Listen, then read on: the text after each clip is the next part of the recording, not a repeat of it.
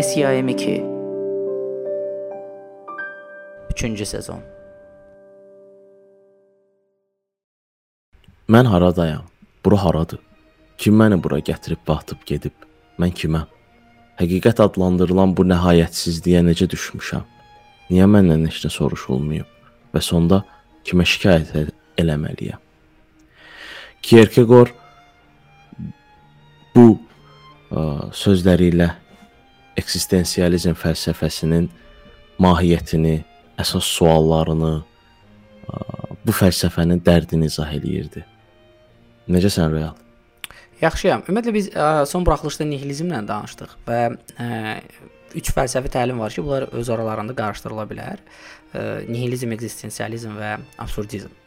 Mən istərdim biraz ə, o haqqda danışaq. Ə, ekzistensializmin ə, dərinliklərinə getməmiş.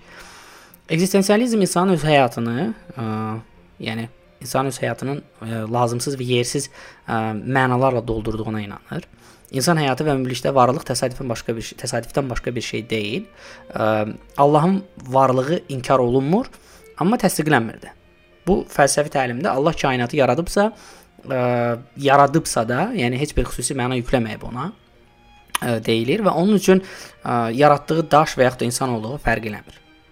Absurdizmdə isə insanın özü üçün din yaratdığı və olmayan yerdə öz həyatına məna yüklədiyi deyilir.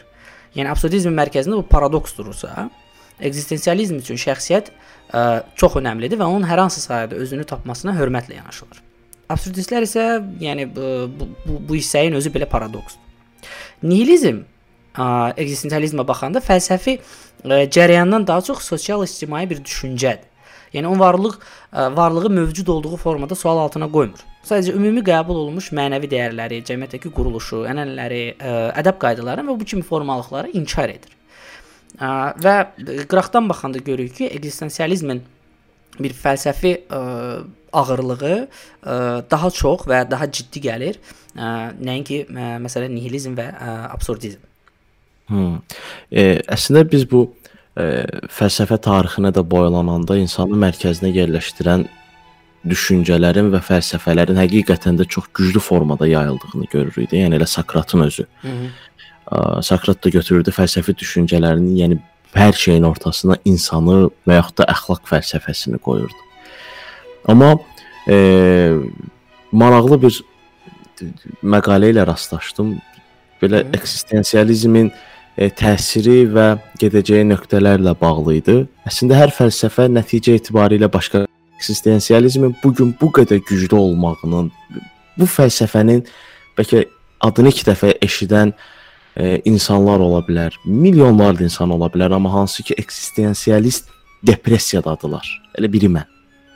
Ətrafımız, hamımız bir məna boşluğu, bir ə, müxtəlifliyin olmamağı, bir suallar çoxluğu, elmin xüsusilə ə, inkişafı ilə gələn ə, ilahi ə, qüvvələrin yoxluğu, və bu cərəyanın da yaşının da 100-150 yaşı olmağı e, bunu həqiqətən də bu gün sən demiş çox güclü hala gətirir. Hansı ki, düçar ola bilirik. Ümumiyyətlə Sartre'ın ən ə, belə əsas fəlsəfi əsərlərindən biri var, ə, Varlıq və Heçlik. O ə, belə bir maraqlı bayaq dediyim məsələyə ə, yadıma düşdü. O sən danışdın və o ə, sitati yadıma düşdü. Deyir ki, mən ə, yəni məni dünyaya atıblar. O demək deyil ki, mən ə, suda axan taxta kimi ə, düşmən kainatda unudulmuş və passiv qalıram. Yox. Əksinə, bu o deməkdir ki, mən qəflətən özümün tənha və köməksiz olduğumu görürəm. Tam məsuliyyət daşıdığım dünyaya daxil oluram. Həm də heç olmasa nə qədər çalışsam da bir an belə bu məsuliyyətdən azad ola bilmirəm. Çünki mən özümün məsuliyyətdən qaçmaq istədiyi üçün, ə, istədiyim üçün cavabdehəm. Yəni burada ə, Sartre nəyi qoymaq istəyir? O demək başa düşür ki, ə, ortada bir məsuliyyət var. O başa düşür ki, ə, insanlara ə, yeridilmiş bir ə, mənalar var həyatlarına. Amma həm də onu anlayır ki, yəni ekzistensialist olaraq o ümumiyyətlə inkar eləyir hər hansı bir mənanı, amma həm də başa düşür ki, belə bir məna yüklənib. Hmm. Və ə, bütün o fəlsəfələrin əsasında, yəni insanın ə, ali ə, necə deyirlər, ə, ideyası axtarılırsa, yəni məqsəd nədir, nəyə görə yaşayırıq, bu dünyaya niyə gəlmişik və s. və axır bu kimi ə, ideoloji suallar qala cavabı qoyursa, eksistensializm deyir ki, yəni bu, bunları axtarmağa ehtiyac yoxdur. Yəni biz necə varıqsa və eləcə də olmalıyıq. Xüsusi məna axtarmaq və hərəkətlərimizə, ondan sonra düşüncələrimizə xüsusi məna yükləmək ə, mənasızdır. Yəni insan olduğu kimi var ə, və eksistensializm bildiyimiz kimi o existence sözündən gəlir və o ə, varlığın özünü ə, yəni var necə varsansa elə olmalısan kimi ə, yəni öyrənir və ə, onu təbliğ eləyir.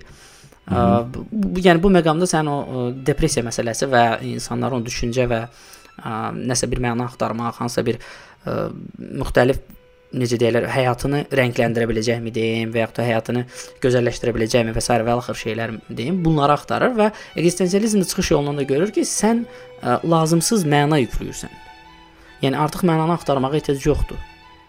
Bu kainatda, Bəli. yəni milyardlarla ulduzun və qalaktikaların ə, və bu böyük bir kəşkeşanda sən o qədər balaca xırda bir nöqtəsən ki, ə, sənin varlığınla yoxluğun arasında o qədər fərq yoxdur. Ona görə olduğun kimi nə varsa, onu elə qəbul eləməyi bacar. Və e, qəribəsi də budur ki, e, fəlsəfənin açıqlanış və yaxud da belə terminlərindən də əvvəl e, çox çox fərqli yerlərdə də rast gəlmək olur. Məsələn, e, 19-cu əsr şeiriyyatına baxırsan, Sadullah Paşa deyə bir adamın şeirinə rast gəldim. Deyir, məcaz oldu həqiqət, həqiqət oldu məcaz. Adam e, şərqin özündə belə Allahlarla dolu belə deyək, şərqin özündə e, bir e, məna qarışıqlığı haqqında e, şeirlər yazıb. Çünki e, insan get-gedə başa düşür ki, e, vahid bir həqiqəti yoxdur. Nə qədər yer edilsə də alınmır. Vahid bir həqiqətə inanmaq, e, bir idealist fəlsəfəni ortaya qoymaq, müm mümkün olmur. İstər-istəməz o qarşılığın içində itirik. Və e, digər tərəfdən də e, biz artıq e, fərdlərin təcrübəsinin mücərrədliyi, fərdlərin təkliyi, insanın e, ümumiyyətlə təbiətinin anlamaq üzərində gedən bütün o ə, fəlsəfi qarışıqlıq da bizi e, nəticə etibarilə yorur. Və e, məsələn eksistensialistlərin özünə baxanda belə e, özləri də bir öz fəlsəfələrində belə dəqiq bir məna, bir e, varlıq məsələn şey eləyə bilmirlər. Düzdür. Ki, o, o, o məsələyə bir dənə ə, əlavə eləmək istəyirəm. Hı -hı. Deməli Ramiz Mehdiyevin fəlsəfə kitabı var. Ə, orada maraqlı bir hissə var eksistensialistlər haqqında. Hı -hı. və son abzasda belə bir hissə var, istəyirəm onu oxuyum. Deməli deyir ki, ekzistensializm analitik istiqamətin nümayəndələri fəlsəfi problemlərin öyrənilməsi düşündürmür.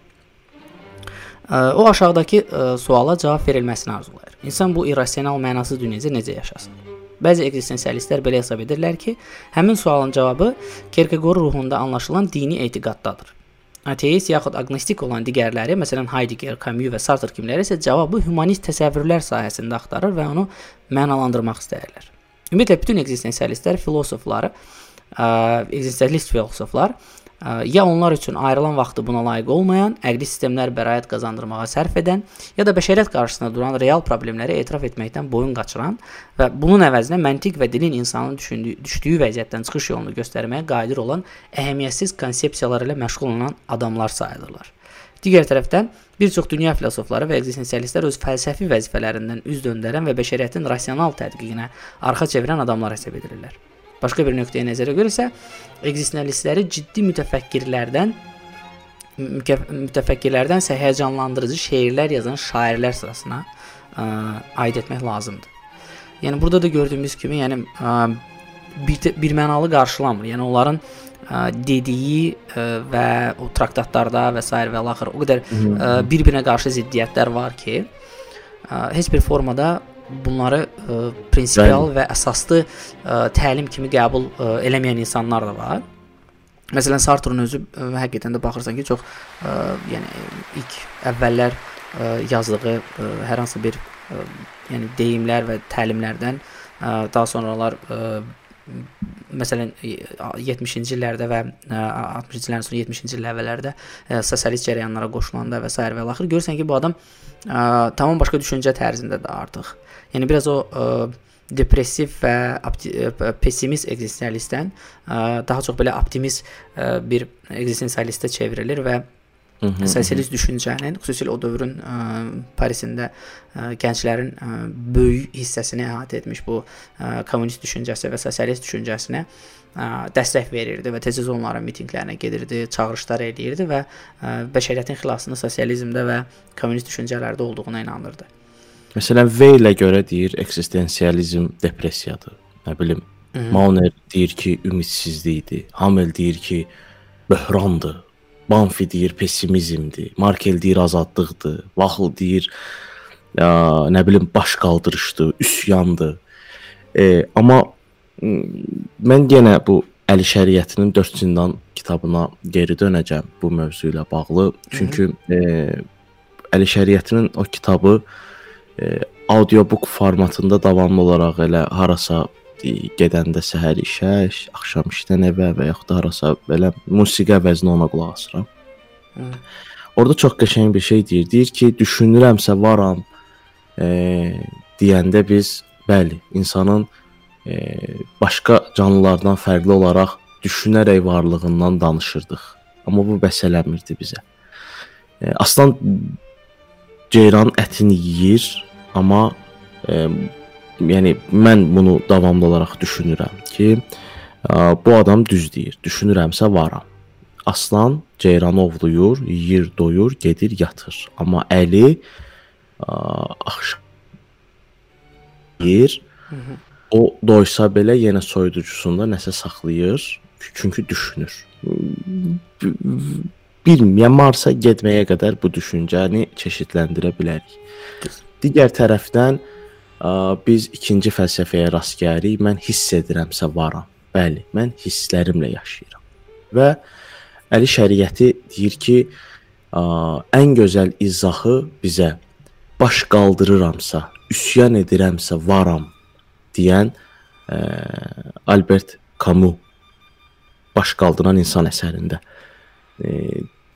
ə, bizə göstərib və çox maraqlıdır. Deyir ki, ə, sizin din vasitəsilə Allahı tapmağınızın və yaxud da öz fəlsəfənizi tapmağınızın yolu məhz sizin ə, individuallığınızdan, fərqliliyinizdən, mücərrədliyinizdən keçir. Əgər deyirsiniz bu Əli Şəriəti bir ə, İslam alimidir. Hı. Deyir, əgər siz İslamı ə, öz seçimləriniz əsasında seçməmisinizsə, yəni bu sizin öz seçiminiz deyilsə, siz buna öz varlığınızla yanaşmamısınızsa, buraxın bunu. Bu sizə lazım deyil. Belə. Ümumiyyətlə bu ə, məsələ ilə bağlı ə, ə, mən istərdim ə, Camus ə, məsələsinə bayaq toxundun. O, onun haqqında biraz danışaq. Ümumiyyətlə Camus ə, ə, baxmayaraq ki, belə populyarlığının ə, ən zirvəsində ə, dostunun ə, yəni avtomobilində ə, onun qəza keçirməsi nəticəsində həyatını itirmişdi.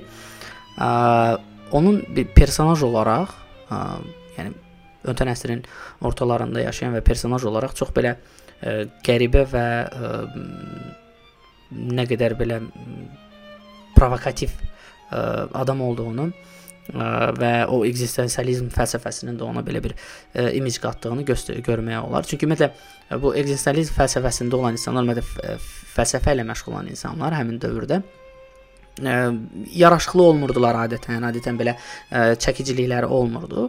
Ə, Camus əksinə çox yaraşıqlı və ə, yəni özünə ə, qarşı cinsin ə, belə deyə də ə, rəğbətini asanlıqla ə, qazandıra bilmiş ə, adamlardan biri idi və bu da onu ə, öz fəlsəfi fikirlərini və ə, o ekzistensialist düşüncələri rahatlıqla yaymaqda kömək eləyirdi. Nəyə görə? Çünki bu tez-tez hər hansı bir verilişlərə dəvət alırdı, müxtəlif dərgilərdə bunun müsahibələri çap olunurdu. Ümumiyyətlə o Parijin və Fransanın o dövr dövründə onun ziyalı qaymaqlarının belə deyə arasında böyük nüfuza sahib idi. Ümumiyyətlə Camus'un belə bir statı var ki, mən nəyi bilirəm və ona cavab verir. Mən öz ürəyimin döyüntülərini hiss edirəm və bilirəm ki, o mövcuddur. Məni əhatə edən əşyaları görürəm və bilirəm ki, onlar mövcuddur. Mənim biliyim elə bu səviyyədə də qutarır. Dünya irrasionallıqla doludur. Mən dünyanın unikal mənasını başa düşmürəm. Ona görə də o mənim üçün hədsiz dərəcədə irrasionaldır. Yəni ə, əslində yəni, qrafdan baxanda. Hə, Camus'un ümumiyyətlə bu düşüncəsi özü irrasionaldır, amma onun ə, həmin o ə, qarşı tərəfə qoyub özünü və deməyi ki, ümumiyyətlə dünya varlığı olaraq irrasionaldır. Yəni başa sala bilərəm çünki normal rasional düşüncəli insanlar üçün Camus'un düşüncəsi irrasionaldır.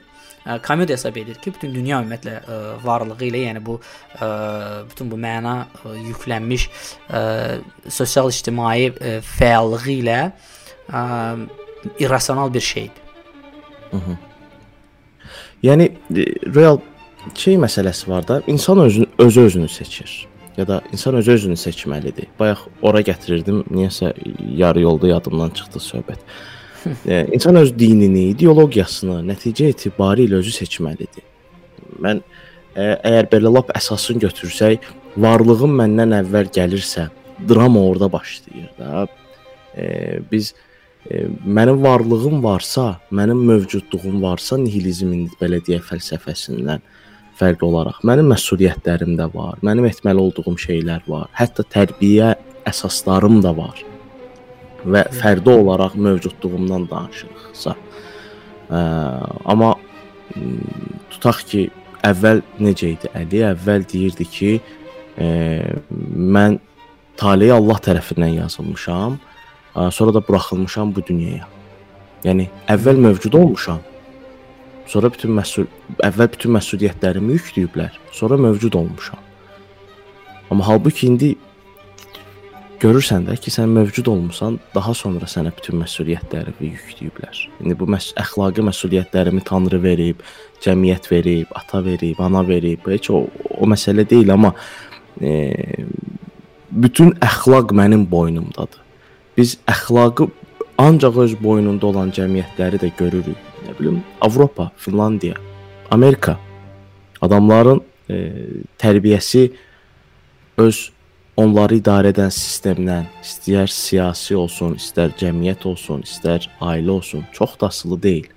Adamlar öz boyunlarında öz ə, xaçlarını daşıyırlar, öz ideologiyalarını daşıyırlar. Ki sən də həmişə elə olmusan, səni tanıdığım müddətdən bəri. Bizən mən ekzistensializm fəlsəfəsində ə, azadlıq probleminin ə, yəni qoyuluşundakı qüvvətli bir ə, cəhət var ki, o ə, cəhəti xüsusi qeyd etmək lazımdır. Yəni bu cəhət ə, insan fəaliyyətinin, yəni əsasən xarici şəraitdə deyil, yəni daxili məqsədlərlə məqsədlərə istiqamətləndirildiyinin ə, bu və ya digər şəraitdə hər bir insanın fikrən fərqli şəkildə reaksiya verdiyini vurğulamaq cəhdindən ə, danışılır. Yəni ekzistensializm öyrədir ki, hər bir insan özündən çox şey asılıdır. Yəni o hadisələrin mənfi istiqamətdə inkişafı zamanı ə, şəraitdən şikayət etməlidir. Hı -hı. İnsanlar ə, yəni o fəaliyyətlərinin məqsədlərini ə, məqsədinin müəyyənləşdirilməsində ə, əhəmiyyətli dərəcədə azaddılar. Yəni seçimdə ə, heç bir ə, limit qoyulmamalıdır. Yəni hər bir konkret tarixi məqamda onların bir yox, bir neçə imkanları olur.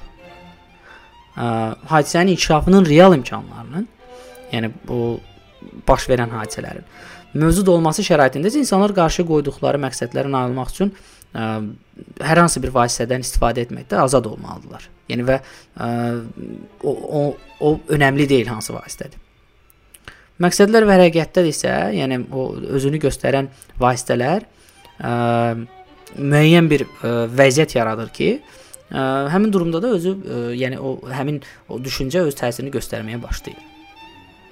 Ə, yəni biraz qəliz oldu ə, bu ə, danışığım. Yəni əsas məqsəd nədir? Yəni sən ə, bayaq dediyimiz yenə ilkin ə, bünövrəsinə qayıdırıq eksistensializmin.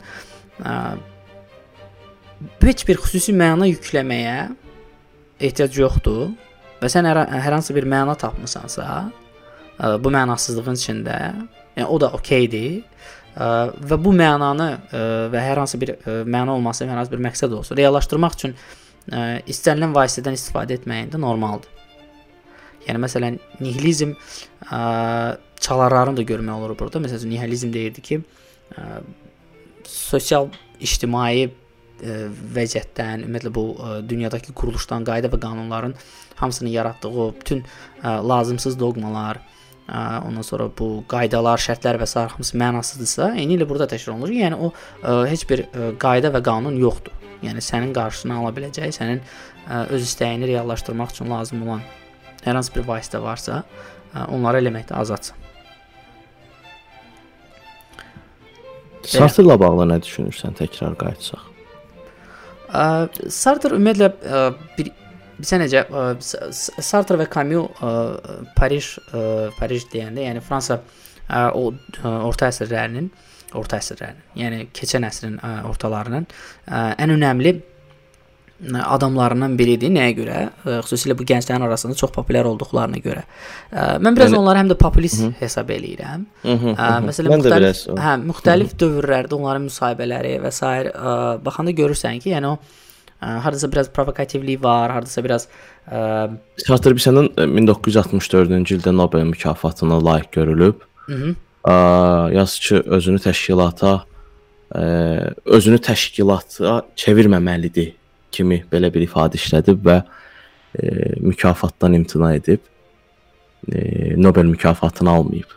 Hə biraz bu snobluq da var. Hı, hı, hı. Yəni özünü belə ə, marjinallıq səviyyəsinə qaldırmaq da var. Ki müsahibəsi dedin, çox üzr istəyirəm. Bir müsahibəsini oxudum. Soruşurlar ki, eksistensializm hardan başlayıb? Deyir ki, Dostoyevskinin əgər Allah olmasaydı hər şeyə icazə olardı deyimi ilə başlayıb bu fəlsəfə. İndi müsahibə dedin o yadıma düşdü. Üzr istəyirəm, sözü kəsdim. Yox, ə, əslində çox maraqlı məqama düşdü. Ümumiyyətlə rusların ə, bu eksistensializm olsun, nihilizm olsun, ə, bu fəlsəfə bir şeyi nəzərə almaq lazımdır ki, ə, 19-cu əsrin sonları və 20-ci əsrin əvvəllərində ə, rus ədəbiyyatının ümumilikdə dünya fəlsəfəsinə, dünyanın ə, o ədəbiyyatına, ə, dünyanın sosial-ictimai həyatına təsiri çox böyük olub. İstər Dostoyevski, Dostoyevskisi olsun, istər Pasternak olsun. Ondan sonra yəni bütün əsərlərinə baxanda sən görürsən ki, onların orada canlandırdığı obrazlar olsun, yaratdığı o həyat hekayələri olsun.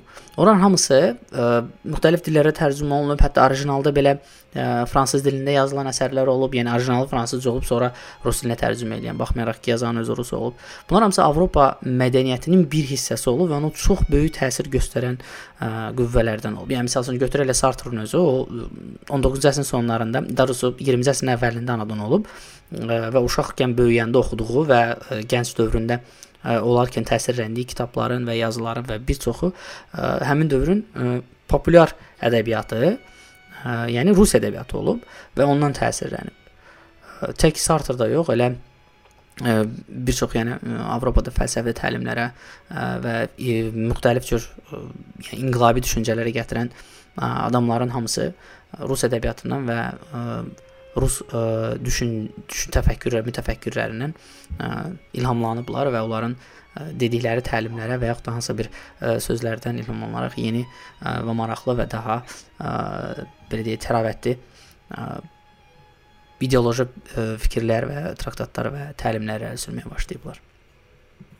E, mən Günay Quliyeva adlı bir e, bloger deyim, nə, nə deyim, köşə yazar. E, dan bir pasaj oxudum.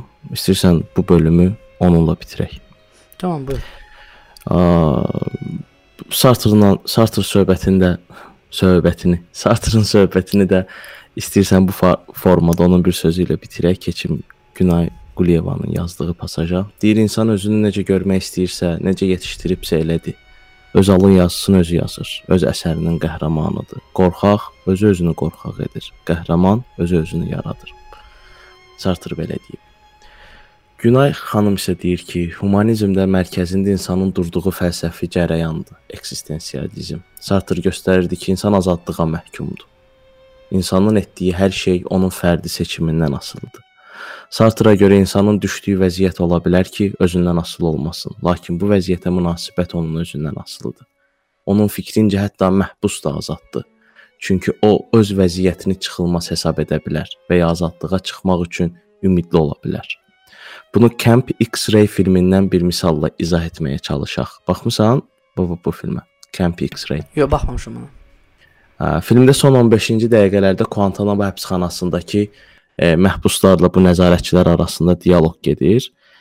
E, bu nəzarətçi çalışır ki, məhbus özünü öldürməsin e, və qayıdır deyir ki, zooparkdakı heyvanlara da bir seçim verilməlidir. Onlara qoymaq lazımdır təbiəti, bir də qoymaq lazımdır qəfəsi. Demək lazımdır ki, hansını istəyirsən, get ora.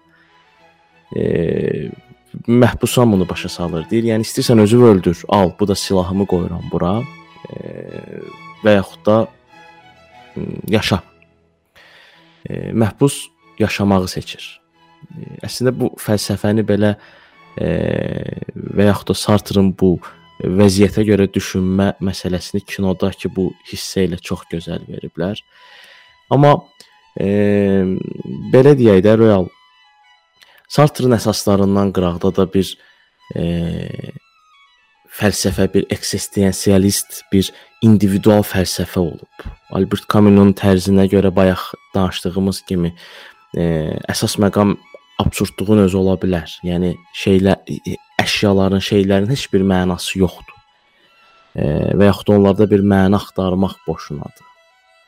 E, Albert Camus-un amma dediyi çox gözəl bir şey var idi. Deyirdi ki, e, bütün bu mənasızlığa qarşı mənim möhtəşəm bir təklifim var. O da sənətlə məşğul olmaqdır. E, yadıma gəlirsə mən sənə bu hazırlıq ərəfəsində həqiqətən də dəhşət depressiv vəziyyətə gəldiyimdən danışmışdım. E, bu Albert Camus-un bu e, yanaşması yaxşı mənada mənə çox təsir etdi. Ki e, bəzən biz düşünürük də, biz düşünürük ki, e, bizim nəyəsə borcumuz var. Mənim işim var, sənin işin var, sosial həyatımız var, yaşayırıq özümüz üçün. Amma mən podkast yazıramsa ə, və bundan heç bir şey qazanmıramsa ki, pul əsası yoxdur nəticə etibarilə elədiyim işin. Burada belə bir şey var. Burada bir e, mənim borclu hiss eləməyim var. Belə bir ağrım var. Hmm, əgər e,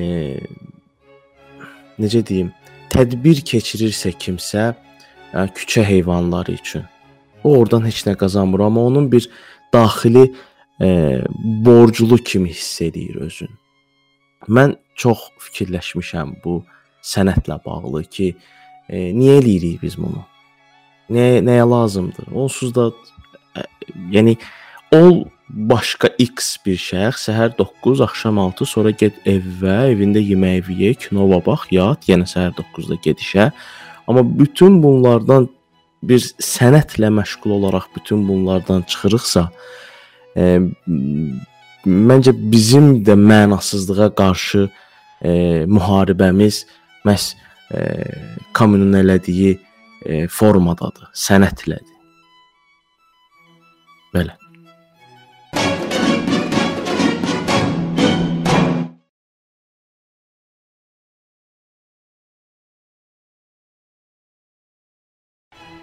Bu fəlsəfənin özünün daxilində verdiyi əsas iki sual var. Biri mən kiməm? İkincisi bir fərd olaraq burada olmağımın mənası nədir? Bu gün biraz keyfim yoxdur. İstəyirəm real mən soruşum, sən danışasan. Bu eksistensial depressiya, bu öz həyat fəlsəfəmizi ə, sorğuya çəkdiyimiz məqamdır. Niyə yaşadığımızı, nəyə xidmət etdiyimizi sorğuladığımız ardıcıl olaraq. E, Sartre deyirdi ki, biz azadlığa məhkumuq. E, bu dünya fırlanır, bir gün e, günəş sönəcək, bu dünyada sönəcək, Marsa gedərik, getməliyik. Mə məsələ deyil. Bir insan olaraq da biz sönəcəyik. Yas günümüz Ağalar Məmmədov deyirdi ki, o yas günəsində yaş günüdür, odumuzun söndüyü gündür. Ə, çoxlu əli var. Çoxlu royal var. Bizim han hansıyıq? Yəni bu Albert Camus'un dediyi şey var, deyir ki, özümü öldürüm, yoxsa gedim bir fincan kofe içim. Hansı əli o qədər mənasızdır ki, o bir fincan kofe ilə əvəz oluna bilər. Yəni ata əli, həyat yoldaşı əli, dost əli, şair əli, işdəki əli. Biz hansıyıq? Bax, hansı olmalıyıq? Bunları vahidləşdirə bilərikmi? Yoxsa elə belə fərqli, bölünmüş, pərakəndə formada yaşamalıyıq. Sən nə edirsən? Bilirsən, ümumiyyətlə insanın ə, müxtəlif yaş dövrləri var. Hər bir yaş dövründə insan həmişə özünü ə, daha ağıllı və hər şeyi daha ə, dəqiq dərk edən biri kimi ə, özünü düşünür, öz haqqında o fikirdə olur. Ə, yeniyetmə yaşında biraz belə daha ə, hər şey səhvdir, həqiqəti mən tapacam olur. 20-ləri keçəndən sonra hər şey səhv deyil, amma hər şey düz də deyil olur. Biraz 30-ları keçəndən sonra artıq olur ki, nə hər şey səhvdir, nə də hər şey düzdür. Yəni hər şeyin ə, səhv və yaxud da nəyisə düz olduğunu axtarmaq ə, düzgün olmadığını anlayırsan. Hərənin öz həqiqətinin olduğunu başa düşürsən. Hərənin öz ə, reallığı və o reallıqda nələrsə nail olmaq istədiyini başa düşürsən. Nəticə etibarilə biz bir şeyi çox yaxşı başa düşürük. İnsan öləcək. İnsan ə, çox vaxtı yoxdur. Yəni bunu insan özü dərk eləməyə başlayır. Ya bəlkə də o vaxtda heç düşünmür, bəlkə o vaxtda danışmır, amma ə, şuuraltı formada bunu ə, başa düşür ki, artıq ə, ömrünün müəyyən hissəsini, bəlkə də böyük hissəsini artıq yerdə qoyub ə, və bu da təbii ki, ə, normal normal yox, daha doğrusu belə qəbul olunmuş ə, orta yaş krizisinə gətirib çıxarır. Mənə link, linklər göndərirdin. hə, yəni o o o yaş krizisində də insanları düşündürən şeylər biraz daha ə, keçmişdə baş vermiş dərin izlər buraxan hadisələr olur ki, onlara baxıb həmişə ə, yəni nələri itirdiyini, nələri qazana biləcəyini, yəni götür-qoy etməyə başlayır da belə desək. Ə, bu götür-qoyların ə, məncə müəyyən bir müddəti var. O müddət ə, belə deyim də deyir sevdiyin işi tap və yaxud da sevdiyin bir şeyi tap və qoy səni öldürsün. Çox məşhur ə, ifadələrdən biridir. Yəni o, o o dövrdə biz onu axtarırıq. Yəni bu dövrdə ə, və razı oluruq ki, tamam. Okay, bundan sonra ə, mən bu öldürə bilər, qoy öldürsün. Nə öldürəcəksə, nə olacaqsa, o qədər bağlı olursan, o qədər sevirsən ki, onu. Ə, və yenə də həyatın sonlarına yaxın daha belə ahıl yaşlarında deyək, 60-ları keçəndən sonra, 70-ləri keçəndən sonra mən 80 yaşda insanın nə düşündüyünü və 90 yaşda insanın hansı düşüncələrdə olduğunu təsəvvür belə eləmək istəmirəm.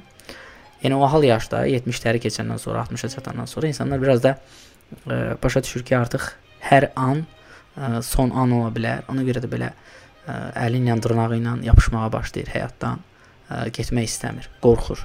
Ümumiyyətlə heç bir insan, ən mərd insan belə ə, ölümün gözünə baxıb, hə hazıram, gəl götür məni deməyib. Yəni onu qışqırıbsa belə, onu ə, ölsəm də qorxmaram desə belə, hər bir insan ölümdən qorxur, hər bir insan ə, ayrılmaq istəmir. Ə, və təbii ki, bu da müxtəlif o ə, yaş dövrlərində özünü hər cür formada göstərirsə, ə, bu orta yaş dövründə, orta yaş dediyimiz dövrdə Yəni 30-lardan sonra 30 yaşlar, 30-40 yaş arasında biraz yaşadığın həyatı, ətrafındakıları, dostunu, tanışını, ailəni, hətta özünü belə sual altına qoymağa başlayırsan.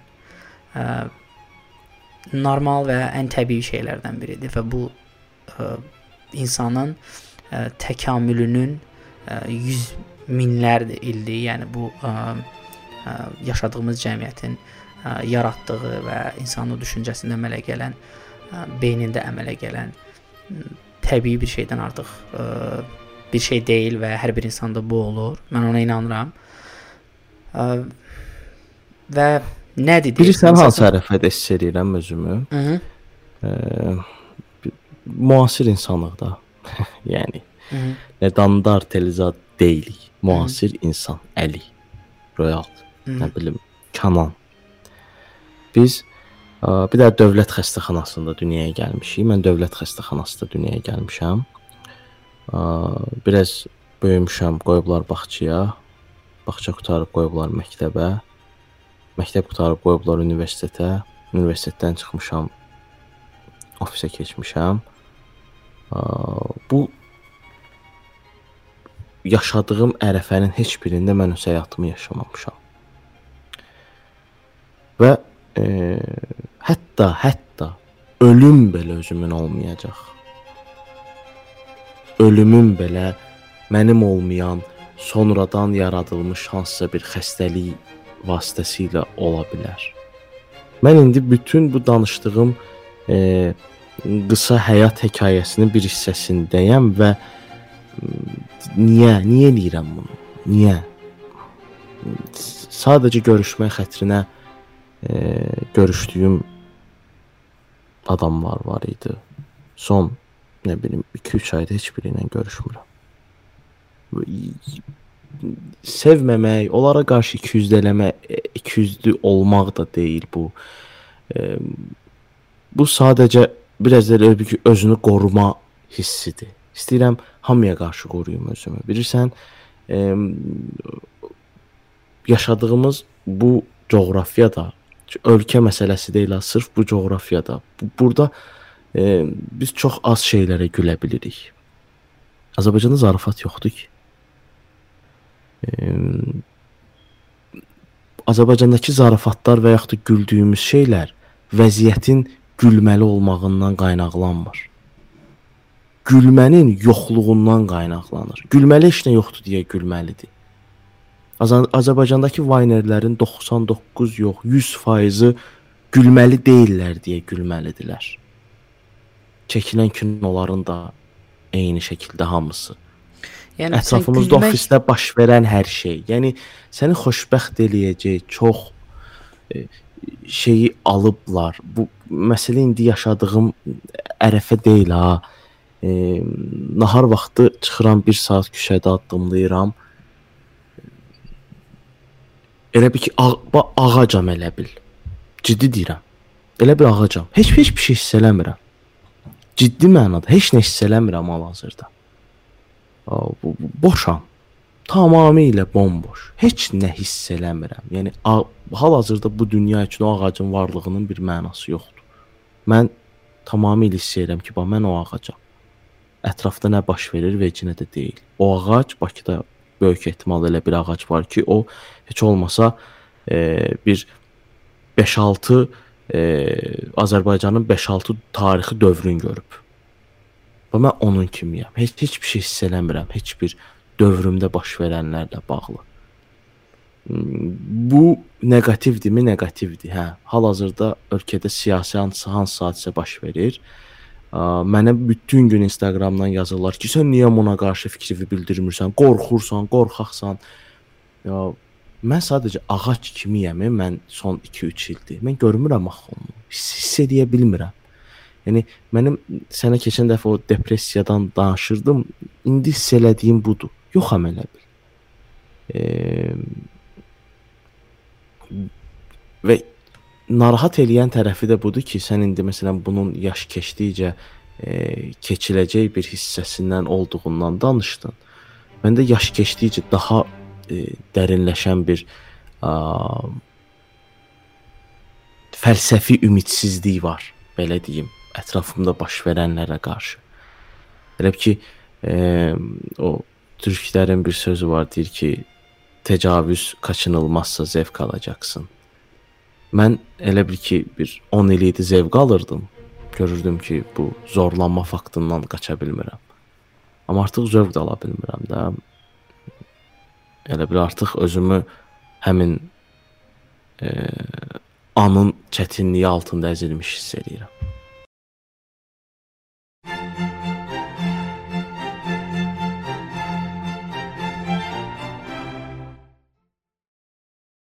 Sovet İttifaqı dağılandan sonra ə, istər Rusiyada olsun, istər Avropada və dünyanın bir bir çox yerlərində olsun, ə, Sovet dövrünün dəhşətləri haqqında çoxlu filmlər çəkilməyə başladı. Bunların ən önəmlisi mənim üçün ə, Günəşdən usanmışlar filmidir. 1992-ci ildə Nikin Mixalkovun rejissorluq elədiyi ə, çox maraqlıdır ki, filmə görə Oskar da alıblar.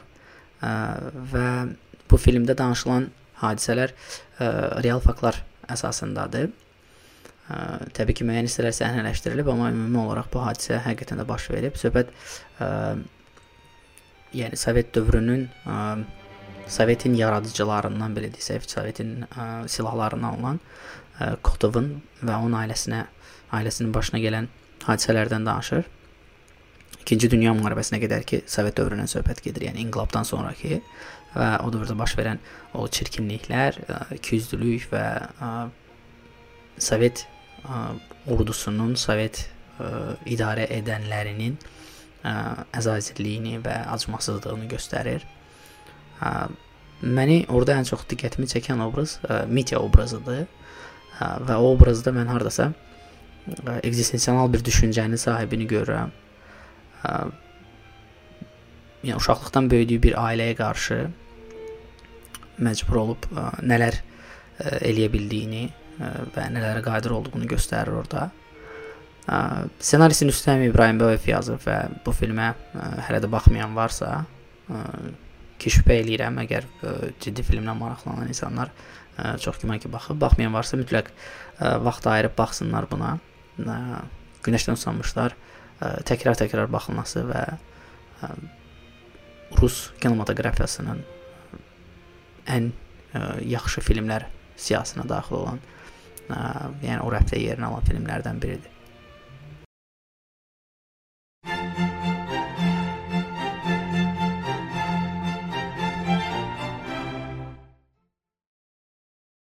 Sənət nə qədər dəyişir, dəyişsin, sənətin özünün ifadə forması nə qədər dəyişir, dəyişsin, heç vaxt unudulmayacaq əsərlər var. Bunlardan biri də Edward Munkun Qışqırıq adlı ə, əsəridir. 1893-cü ildə ilk dəfə Ümidsizlik adı ilə təqdim olunub və pastel rənglərlə işlənilib. Munk burada həyat, sevgi, qorxu, ölüm, melanxoliya, həyatın disharmoniyası haqqında danışır. Bir ə, qışqıran, bir ə, depressiv depressiv ə, görkəmdə olan cinsiyyətsiz ə, bir obrazla ki, həqiqətən də depressiyanın ə, fərdi ə, məna axtarışının cinsiyyətinin olmadığını da bir mənada vurğulayır. Ön planda biz bu ə, qışqıran obrazı görürük, arxa planda da Ekebergin qırmızı göy üzünü. Edward Munkun əsərlərinə baxanda e, görürsən ki, bu qışqırıq əsərini bunun e, belə bədahətən gəldi elədim formasındakı bir e, nəticəsi bir əsəri deyil. Bu onun həyatı boyu yaşadıkları, gördükləri, oxuduqlarının nəticəsidir. 5 yaşında anasını itirib xalasının yanında yaşamağa başlayıb Anamın Ölüm adlı bir əsəri var, Royal. Yəni mən heç bir əsərdən bu qədər təsirləndiyimi xatırlamıram. Xatırlayırsansa sənə yazmışdım ki, yəni dayandıraq, alınmır məndə bu ə, bu gün podkastı yazmaq. E, dəhşət təsir elədi mənə, dəhşət. Yəni bir insan anasının ölümünü, o an yaşadıqlarını, anasının ümumiyyətlə o ölü formasında ə, öz hissiyatını, heç kimi eşitmək istəməməyini, e, ümumiyyətlə vəziyyətin o mükə qeyri-mükəmməlliyini belə deyək, bütün hissiyatı verir. O rənglər, oradakı istənilən balaca detal, hər şey sənə o anı yaşadır. O, o uşaq kimi hiss edirdim özümü. Mümkün bu ə, əsəri mən Tate Modern'da Londonda olanda görmüşdüm. Və həqiqətən də o əsərə daha yaxından ə, baxanda Oradakı rəng çalarları olsun, oradakı ə, kompozisiyanın ümumiyyətlə qəribəliyi olsun. Ə, başa düşürsən ki, bu ekspressionizmin ən yüksək həddi sayıla bilər. Amma mən istəyirəm mümkün bu şəkil haqqında, yəni bir statını oxuyum. Deməli, Mük deyir. Qrup vaxtı iki dostumla yolda gəzirdim. Birdən səma qan qırmızı rənginə boyandı. Mən dayandım və özümü inanılmaz yorğun hiss edib çəpərə söykəndim. Göyün üzündəki atəşin dilləri ə, e, və qan göyümtül qara fiorit üzərinə yayılırdı. Dostları biraz qabağa getdilər, mən isə dalda qaldım. Qorxudan titrədim. O an mən təbiətin nəhəng və nəhayətsiz qışqırığını eşitdim. Tesiya M2 3-cü sezon Bu gün çox depressiyadan danışdıq, ha? Real. Ekzistensialist haqqında danışanda biraz ekzistensializm daha doğrusu haqqında danışanda biraz o fikrə və o düşüncəyə yaxın olan ab-havaya salırsan özünü istər-istəməz təsirlənirsən. Hmm. Normaldır. Bilirsən, e, hər balaca gülümsəmənin gülümsə gülümsəyişdən belə deyək, sonra gələn o üzüntü hissi, hər Elə bil ki, hər gün doğandan sonra qara bulud gəlir elə bir onun qarşısına və hərdən fikirləşirəm ki, bu eksistensialist depressiya belə deyək də, heç vaxt e, sağalmayacaq yara kimidir. Heç vaxt heç bir terapiya, heç bir meditasiya növü, heç bir nəsihət, heç bir içki süfrəsi, heç bir narkotika, heç nə ə, nəticə etibarilə onu sağaltmayacaq. Nə bilim, küçədə pişik görürsən, gözün dolur ki, mən bir də bundan heç vaxt yolum kəsişməyəcək. Kimlənsə vaxtının sona gəldiyini hiss eləyirsən. Balaca mavi rəngdə bir topun üstündəsən, hansı ki ə, səndən qat-qat böyük, mənasız bir daş kütləsi hər an səni məhv eləyə bilər. Ya da balaca bir də qara dəliksən, bütün günəş sistemini ə, əmib məhv eləyə bilər. yəni nə bilim, ə, gülən adam görürsən, deyirsən ki, bunların xəbəri yoxdur. 20-25 il sonra əl ayaqları tutmayacaq. Nə bilim, baxırsan səhər saat 8-də, 9-da minlərlə adam düşüb küçəyə ofislərə gedirlər. Baxırsan axşam hamısı ofisdən çıxır yorğun arğın, əsas etməli olduqları e, işləri etməyib ailələrinin yanına gedirlər. Bilmirəm. Sizdə orada belə depressiv hallar olur, yoxsa elə atmısınız bütün Pis Məncə... hisslərinizi bura getmisiniz? Yox, depressiv və ə, bu pessimist və ekzistensial düşüncə həmişə ə, yəni insan içində varsa həmişə özünü büruzə verir. Və bayaq dediyim kimi müəyyən hadisələr və müəyyən ə, yaş dövründə daha da qabarıq olur. Amma mən ə, sənin bu ə, bədbin belə deyək, ə, ab-havanla, bu bədbin ə, düşüncələrinlə ə, tam razı ola bilmirəm və yadıma Ramiz Rövşənin bir ə, gözəl ə, sözü düşür. Deyir min illərdir ölə-ölə, öldüyünü bilə-bilə doğulursa insan hələ insan Allahdan böyükdür. Gəl bu haqda biraz düşünək. Gəl bu haqda biraz daha ətraflı danışaq.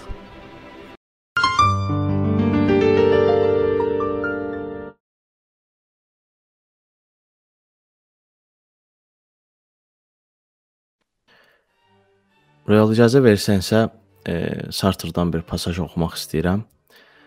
Səbinə Mehbalıyevanın e, tərcüməsindədir. Deyir ki, birinci növ xristian eksistensialistlərdir ki, bunlara mən Jaspersi və katoliklərdən saydığım Gabriel Marseli aid edirəm. İkinci ateist eksistensialistlərdir ki, bunlara nümunə olaraq Heidegger və fransız eksistensialistləri, o cümlədən mən özümü sadalayıram. Onları ikisini də birləşdirən yalnız bir fikir var ki, mövcudluq mahiyyətdən əvvəl gəlir. Belə dedikdə nə başa düşmək olar? İnsan tərəfindən yaradılmış hər hansı əşyanı, məsələn, kitabı ya kağız bıçağını götürsək, bunları düzəldən usta əvvəl-əvvəl bu əşyaları, əşyaları hazırlanma konsepsiyasına uyğun hazırlayır. Beləliklə kitab ya kağız bıçaq müəyyən üsulla istehsal olunmuş maddə və müəyyən məqsədə xidmət edən əşyalar, faktik əşyalardır faktik olaraq. Yəni onların nəyə xidmət etdiyini bilməyən adamın hazırlanmasını təsəvvür etmək olmaz. Biz Allahı yaradıcı kimi təsəvvür edik, edə, etdikdə onu ilahi səviyyəli peşəkar usta kimi düşünürük. İstənilən fəlsəfi doktrinanı və mütəfəkkirləri götürsəniz, Dekartı, Leibnizi hamısı nəzərdə tutur ki, iradə əlin dalınca gedir. Yəni əvvəl fikirdə yaranan şey sonra əmələ keçir. Allah da yaradanda nəyi ya kimi yaratdığını dəqiq bilirmiş. Yəni Allahın şuurunda insan konsepsiyası peşəkarın şuurunda bıçaq, kağız anlayışının analogiyasıdır. Allah da peşəkar usta bıçaq, kağız yaradan kimi insanı yaradarkən niyyətinə, qayda və vasitələrə arxalanır. Belə ki, hər insan ilahi dərk etmə konsepsiyasına uyğun yaradılır. İnsan özlüyündə ona xas təbiətə malikdir. Bu isə o deməkdir ki, hər bir fərd ümumi insan anlayışının özəl təzahürüdür. Bu ümumilikdən Kantın çıxardığı nəticə belədir ki, meşələrdə yaşayan ibtidai insan da burjuada eyni ümumi xüsusiyyətlərə malikdir. Deməli, burada da insan mahiyyəti onun təbiətdə müşahidə etdiyimiz tarixi varlığından daha əzəldir. Kant insan təbiəti anlayışının hansı səviyyədən, hansı sinifdən olduğu fərq etmədən bütün insanlara qarşılıq gəldiyini düşünür. Ona görə universal bir insan anlayışı tək-tək bütün insan fərdləri üçün etibarlıdır. İnsan özünü nə etmişsə odur. Bu varoluşun ilk qaydasıdır.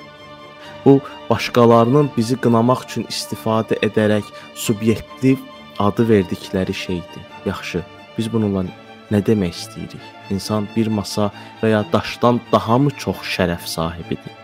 Demək istədiyimiz insan əvvəlcə yaranır, sonra özünü bir gələcəyə doğru sürükləyir və bunun da fərqindədir. İnsan əslində bir növ yosun və ya tərəvəz olmaq yerinə subyektiv bir həyata sahib bir yaradılışdır. Eksistensializm Allahın yoxluğunu isbat etməyə cəhd etmir. Özünü bunu sübut etmək üçün xərcləmir. O ayrı şey deyir. Əgər o varsa da bu heç nəyi dəyişmir. İnsan bu halda da öz-özünü yaradır. Bu bizim istinad nöqtəmizdir və bu o demək deyil ki, biz ona inanırıq. İnsan özü özünü tanımalı və əmin olmalıdır ki, əgər Allahın varlığı sübut olursa, daha kimsə insanın özünün ondan xilas edə bilməz. Bu mənada isə eksistensializm nikbinlikdir. Hərəkətə, əmələ təhrik edən təlimdir. Xristianlar isə öz ümidsizliklərini bizə aid edərək bizi ümidsiz adlandıra bilər. Adam bu qədər ümidsiz mətn yazır. Onunla belə bu qədər nitqin özünə nikbin fikrini, hə, fikri ifadə eləyir. Ümumiyyətlə bilsən, ə, mən həmişə ə, bir insanlara paxıllıq eləmişəm ki, istənilən formada, ə, istənilən vəziyyətdə daha doğrusu heç bir çıxış yolunun və heç bir həllin olmadığı ə, həllin olmadığını düşündüyüm bir vaxtda belə Nipkin qalmağı bacarır və özü də başa düşür ki, bəlkə də bu Nikbin Nikbin ab-havası və ya da bu Nikbinlik özü yersizdir, amma ə, buna baxmayaraq, bunu də tam dərk eləyərək bir alət kimi istifadə edir Nipkinlikdən. Ə, o Nipkinliyin onun ə, yəni əlini atıb hər hansı bir formada nəyəsə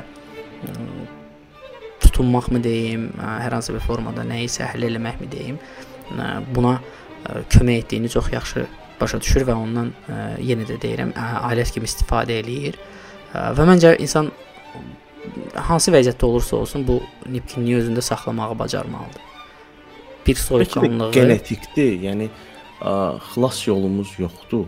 Mən ə, o qədər Zaten yoxdur. Yəni bunu bunu ə, müzakirə eləməyə belə dəyməz.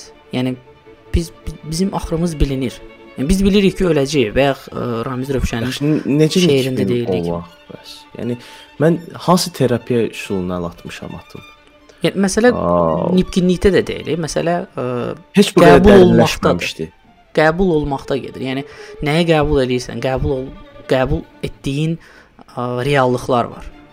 Qəbul yəni, etsən bunlara oxşayacam axı. Belə bir məsələ var da, gəl sən ə, yadına bir bir şey salım. Yəni biz yaxın dostumuzu itirəndə bunu qəbul edə bilmirdik birinci. Düzdür?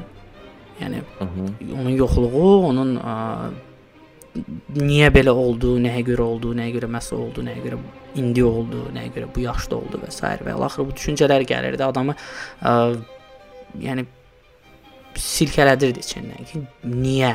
Yəni bu sual davamlı olaraq bizi narahat edirdi. Amma üstündən bu qədər vaxt keçəndən sonra artıq qəbullanmışıq. Bəlkə də onun daha yaxşı yerdə olduğunu düşündüyümüzdən deyil. Bəlkə də ə, çarəsiz olduğumuzu anladığımızdandır. Bəlkə də yəni ölümün bir ə, final olduğunu başa düşürük. Yəni A nöqtəsindən B nöqtəsinə həqiq doğru hərəkət ediriksə, bu dövrdə eləyəcəyimiz ə, heç nəyin xüsusi bir mənası olmadığını da başa düşdüyümüzdəndir. Amma bu hərəkət elədiyimiz vaxtda yaxşı olmaq, hərəkət elədiyimiz vaxtda ə, düzgün olmaq, yaxşı yaşamaq, ətrafındakılara sevinc yaymaq və ətrafındakı insanları sevmək və sevgini bir nə bilim adi bir şey kimi yox və yaxud da ali super bir ə, his kimi yox, ə, olduğu kimi qəbul etmək ə, lazımlı və ən önəmli şeylərdən biridir məncə bu müddət ərzində. Yaxşı dünyadan, bu həyatdan sonra bir həyatın olduğuna inanmaq səni bu dünyada daha çox xoşbəxt eləyir də nəticə etibarilə. Çünki bilirsən necə, əgər sən çox ə, egoist və çox ə, belə deyim, yenə də qəbul ölümün ə, bir məhvun kimi olduğunu qəbul edə bilməmiş insan olsan, sən buna inanırsan, hə, əlbəttə bütün insanlar buna özünü inandırmağa çalışır ki, yox. Bu belə qutara bilməz. Bu film belə qutara bilməz. Bilirsən, yaxşı filmlər var, axırda happy endlə qutarır. Elə də filmlər var ki, onlar yaxşı qutarmır. Onların sonluğu budur. Və sən başa düşməlisən ki, o film ə, belə qutarmalıdır.